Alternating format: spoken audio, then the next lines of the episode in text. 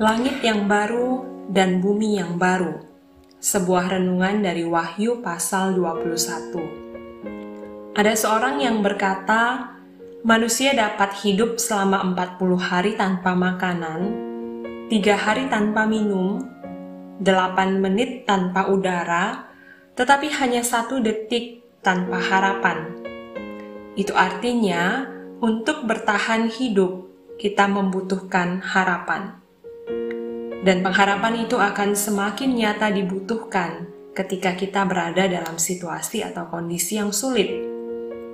Dalam dunia yang telah tercemar oleh dosa ini, penderitaan, sakit penyakit, ataupun ratap tangis adalah hal yang wajar akan dialami oleh umat Tuhan.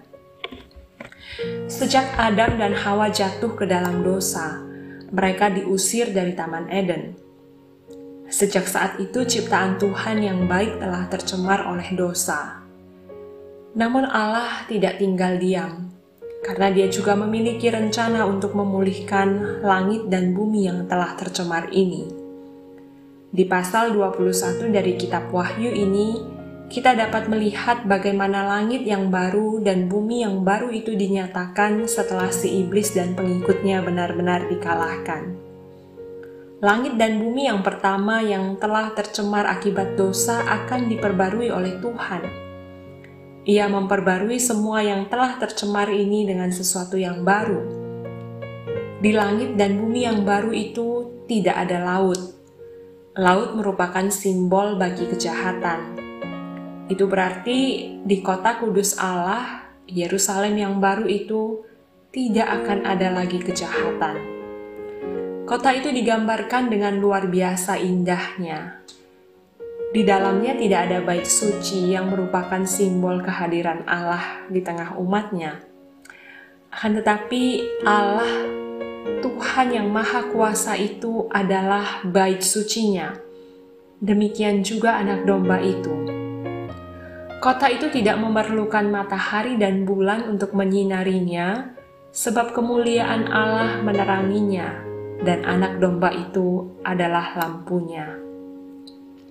Di langit dan bumi yang baru itu tidak akan ada ratap tangis dan air mata, tidak akan ada lagi perkabungan, tidak akan ada lagi duka cita, tidak akan ada lagi maut. Kita tidak akan lagi kehilangan orang-orang yang kita kasihi. Kita tidak akan lagi menderita sakit penyakit karena kita akan dilepaskan dari tubuh yang fana ini, digantikan dengan tubuh kemuliaan. Kita tidak akan menderita kekurangan dan kemiskinan karena kita tidak lagi membutuhkan uang. Yerusalem yang baru itu adalah rumah masa depan bagi setiap orang yang setia mengikut Allah.